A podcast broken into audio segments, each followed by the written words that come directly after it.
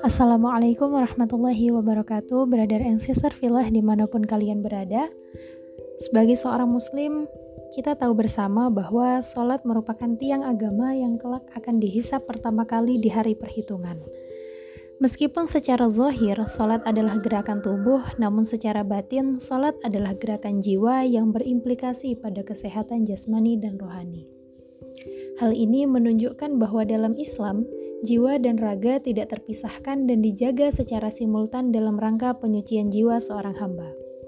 Meski sering kali timbul pertanyaan, kenapa banyak orang yang sholat tapi korupsi?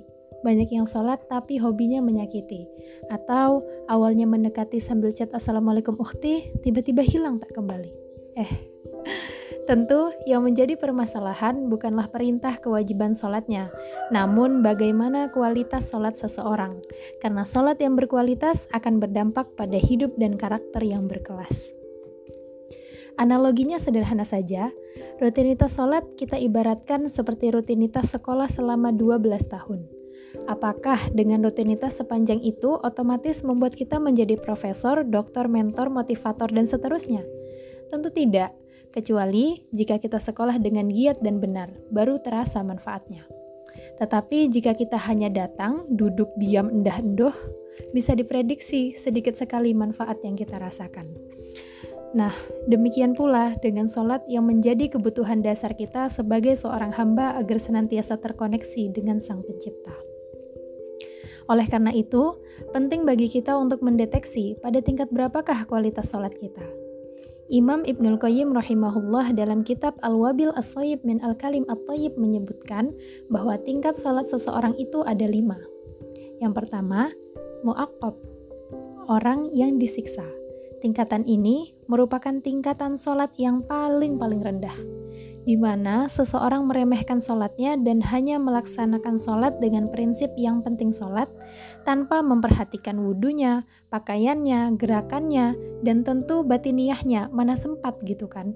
Lebih jauh lagi, ia cenderung mengakhirkan waktu sholat dan tergesa-gesa dalam melaksanakannya. Yang kedua, muhasab, dihisap dan diperhitungkan. Tingkatan yang kedua ini baik secara lahiriah, tetapi seseorang tidak konsentrasi dengan sholatnya. Namun sedikit lebih baik daripada tingkatan yang pertama. Sholatnya secara lahiriah sudah baik, memperhatikan wudhu, pakaian, dan seterusnya. Namun pikirannya dibiarkan melayang-layang memikirkan hal-hal di luar sholat yang akhirnya memecahkan konsentrasinya. Seiring takbir diucapkan, seiring itu pula dunia dipikirkan. Ngalor ngidul ngetan ngulon gak karu-karuan. Nah, kemudian tingkatan sholat yang ketiga, yaitu mukafar anhu, yang diampuni atau dihapus dosanya. Pada tingkatan ketiga ini, seseorang telah mencapai sholat yang baik secara lahiriah dan berusaha konsentrasi pada batiniahnya. Berusaha konsentrasi dalam sholat berarti memahami gangguan-gangguan yang datang dari luar, sehingga berusaha untuk terus dan terus menepisnya. Hal ini dikarenakan seseorang berusaha khusyuk, tetapi tidak memahami dan mentadaburi makna bacaan solat yang diucapkan. Tingkatan yang keempat, musabun, diberi pahala. Tingkatan yang keempat, seseorang telah memahami bacaan sholatnya, dan tingkatan ini termasuk dalam kategori yang luar biasa, di mana seorang hamba menghadap Allah dalam sholatnya dengan terus berusaha menghadirkan hatinya dan menyelami makna bacaannya dalam sholat. Tingkatan yang terakhir yaitu muqarrab min rabbihi, menghadapkan hati dan pikiran seutuhnya di hadapan Allah Subhanahu wa taala. Tingkatan yang terakhir merupakan tingkatan tertinggi yang menjadi kategori sholatnya para nabi dan orang-orang solih.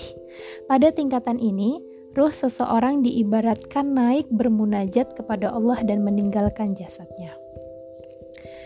Nah, dengan mengetahui tingkatan-tingkatan ini, dapat kita jadikan parameter dalam mengukur keseriusan kita sebagai seorang hamba tatkala menghadap Sang Pencipta dan sebagai bentuk muhasabah kita untuk kemudian terus dan terus berusaha menjadi hamba-hamba Allah yang solih.